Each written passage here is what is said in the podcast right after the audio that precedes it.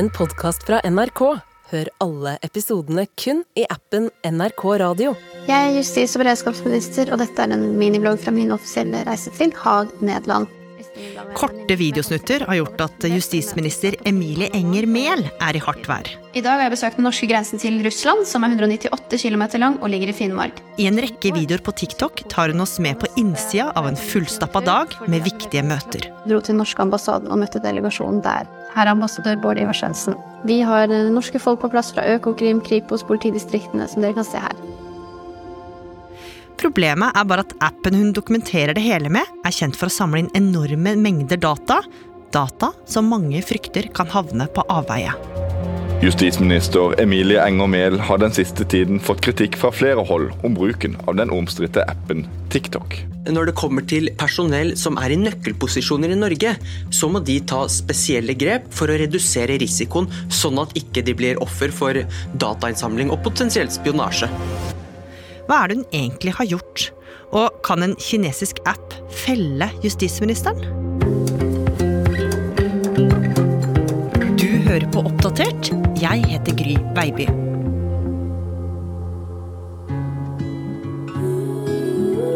Vi dro ned søndag kveld fordi møtene startet tidlig mandag morgen, og jeg hadde litt ekstra tid. En eh, blond kvinne i dress på vei inn i et fly. Hun snur seg og smiler til kamera. Og i neste øyeblikk er hun på joggetur gjennom sentrum. jeg på en liten joggetur fordi jeg hadde veldig lyst til å bade. Jeg hadde hørt det var fine strender i Haag, og det stemte på en prikk. Så en flaggborg med EU-flagg, en middag med stearinlys, hun vasser langs en strand i Skjevingen, og så inn på hotellet, bytte til jobbantrekk og tommel opp i kamera. Det var viktig og et nyttig møte. Så dro vi til eh, middag i ambassaden og signerte gjesteboka 'Kom og se meg i regnværet'. Peter Svaar, du er journalist her i NRK, og denne lille reisebloggen den er ikke lagd av hvem som helst.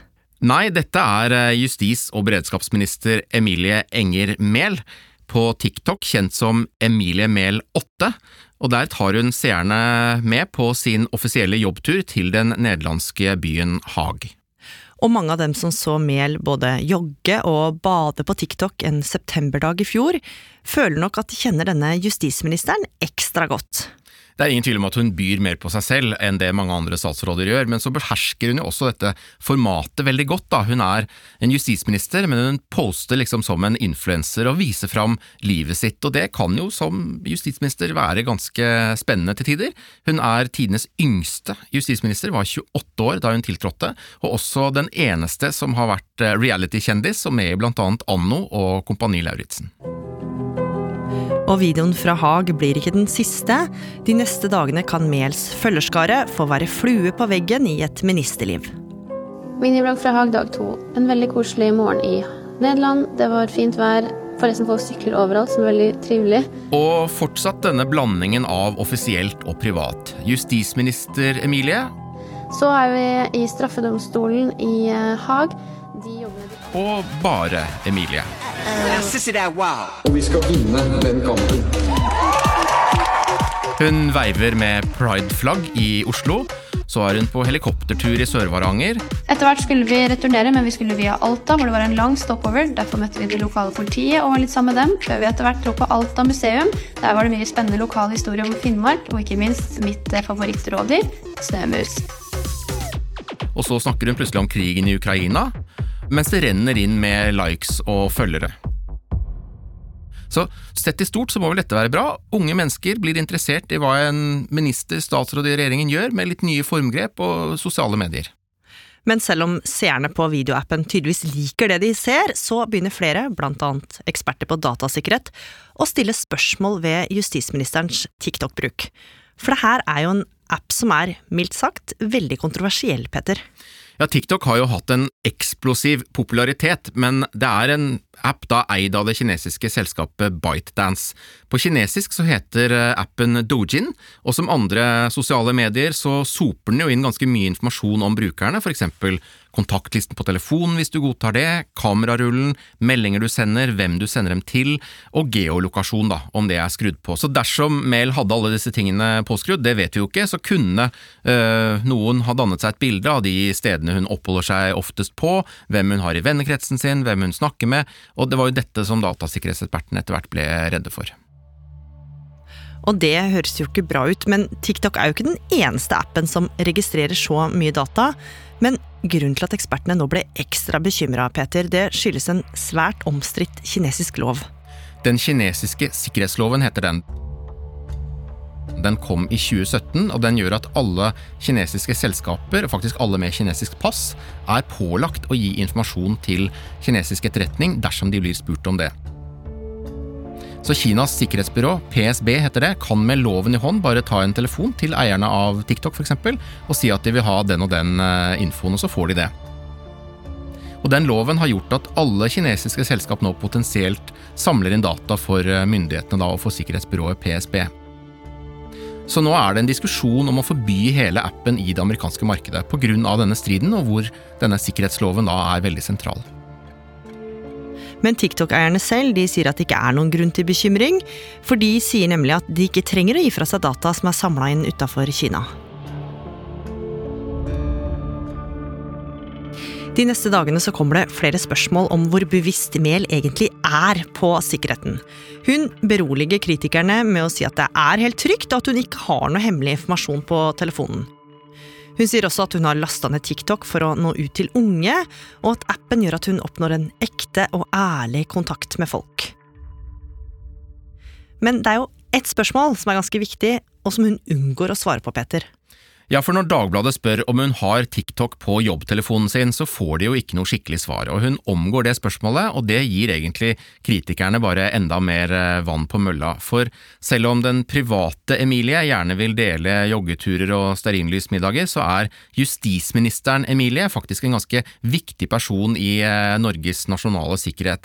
Hun har for eksempel ansvar for sikkerhetsloven, politiet, Politiets sikkerhetstjeneste, og hun får mye høyt gradert informasjon i jobben sin, da.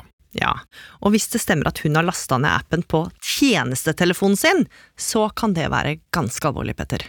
Ja, Det er jo telefonen hvor jobb-e-postkontoen hennes ligger da, som justisminister, og den skal jo ikke brukes til graderte opplysninger egentlig, men det kan jo være mye annet ugradert der som er interessant for en utenlandsk etterretningstjeneste, om politiske prosesser i regjering, og så er det jo justisministerens kontaktliste, som sikkert har mange spennende telefonnummer i seg, og så er det disse geodataene, da, altså hvor hun er til enhver tid, hvor hun bor, hvor hun pleier å jogge, om det er noen uh, date på gang, kanskje, det er jo sånt man kan snoke i i eh, en persons privatliv, hvis man vet hvor de oppholder seg mest. Og alt dette er jo ting som kanskje ikke skal havne på en server som kontrolleres eh, av Kina.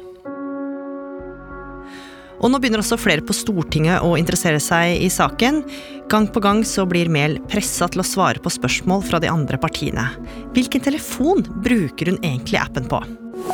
Og justisministeren burde ikke ha en egen TikTok-konto, sier Unge Venstre. Eh, jeg syns eh, rett og slett at det rimer ganske dårlig å profilere justis- og beredskapsministeren vår på en plattform der vi ikke vet nok om hvilken informasjon som samles inn om brukerne, og hvor den informasjonen går til. Og selv om Mehl etter hvert slutter å poste videoer på TikTok, så unngår hun også å svare ordentlig. I flere måneder så sier hun at hun av sikkerhetsgrunner ikke kan avsløre hvilken telefon hun bruker TikTok på. Og det gjør folk bare enda mer mistenksomme. Det er jo sånn da, når du er statsråd at uh, vanskelige og ubehagelige spørsmål de forsvinner jo ikke når du ikke svarer på dem, for uh, da blir heller problemet egentlig større, og det er en hel uh, hærskare, hadde jeg nær sagt, av blodhunder i opposisjonen på Stortinget som da er ute etter deg. Og en av Mehls forgjengere som justisminister måtte jo faktisk gå av for noen år siden pga. måten han hadde brukt telefon på, det var Per Sandberg fra Fremskrittspartiet, han hadde tatt med telefonen på ferie til Iran. Og det var også flere av Erna Solbergs folk som fikk en rapp over fingrene for å ha brukt denne appen, da blant annet Henrik Asheim og Tina Bru, og de måtte også da slette den på grunn av sikkerhet. Men kritikken den fortsetter å hagle, og i begynnelsen av februar så tar hun endelig bladet fra munnen. Nærmere bestemt 1. februar da svarer hun endelig i et intervju med TV 2 at eh, jo, hun hadde TikTok, og det var på denne tjenestetelefonen hvor eh, også da e-postkontoen hennes som justisminister ligger. Hun sier at hun er bevisst på at informasjonen som deles med appen kan misbrukes, og at hun derfor ikke har ønsket å avsløre hvilken telefon hun har hatt eh, TikTok på. Men svaret fra Mehl har ingen beroligende effekt.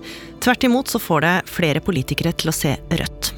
Hun har forsøkt å forhindre å gi opplysninger til Stortinget uten egentlig legitim grunn. Det betyr at vi ikke kan tro på at hun svarer sant og ærlig på de spørsmålene hun får, og det må hun rydde opp i. Så vi har spørsmål til den ordinære spørretimen, og forventer at hun kommer til Stortinget for å besvare dem. Og onsdag 8. februar måtte Mehl svare på TikTok-bruken sin på Stortinget. Jeg ser at eh, jeg kunne ha svart uh, annerledes på spørsmålet om jeg hadde TikTok på tjenestetelefonen tidligere. Og jeg er lei for at det bidro til å skape mer usikkerhet. Så er det sånn, uavhengig av TikTok, at det vil alltid foreligge en risiko for at apper, telefoner eller andre ting kan bli kompromittert. Derfor har vi strenge sikkerhetsrutiner for bl.a. håndtering av gradert informasjon, og også hva vi bruker ugradert utstyr til. Og Peter, kan en kinesisk app bidra til å felle justisministeren?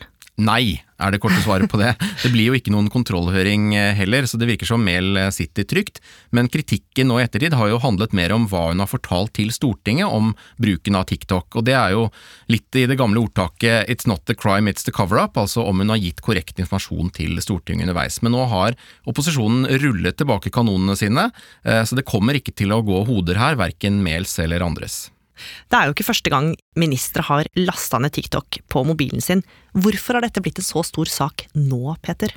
Det er jo mye fordi det har blitt et uh, mer spent forhold nå mellom uh, Vesten og Kina. Stadig større bekymring rundt Kinas menneskerettighetsbrudd, frykt for at de er på vei til å invadere Taiwan snart, sånn som Russland har gjort nå i uh, Ukraina. Og midt i dette så har appene vi bruker også blitt stormaktspolitikk. Etterretning er viktigere nå enn før, når verden er mer tilspisset.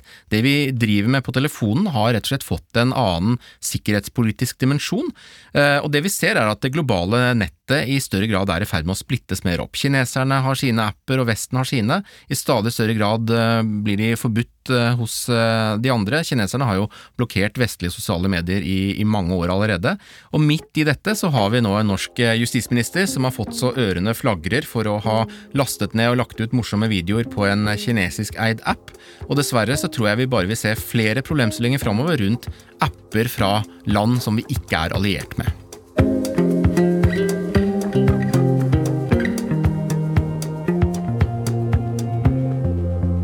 Oppdatert er en podkast fra NRK Nyheter, og denne episoden den er laga av oss. Produsent Lars Hægeland. Teknikk og lyddesign Andreas Berge. Vaktsjef Ina Swann. Og jeg heter Gry Veiby. Programredaktør er Knut Magnus Berge. Klippene du har hørt, er fra TikTok og NRK. Har du tips eller innspill, så må du gjerne sende oss en e-post. Adressen er oppdatert krøllalfa nrk.no. Hele historien. En podkast fra NRK. Er du der? Jeg er. Ja, det er krise. Det er noen som har tatt fra bussen og drept mange. To ganger, med ti års mellomrom, blir Valdresekspressen kapret. I kveld, bussjåføren og en passasjer på Valdresekspressen ble angrepet med kniv. Det er fryktelig brutalt. Veldig målrettet. Han hogger for å drepe. Knivdrapene på Valdresekspressen hører du i appen NRK Radio.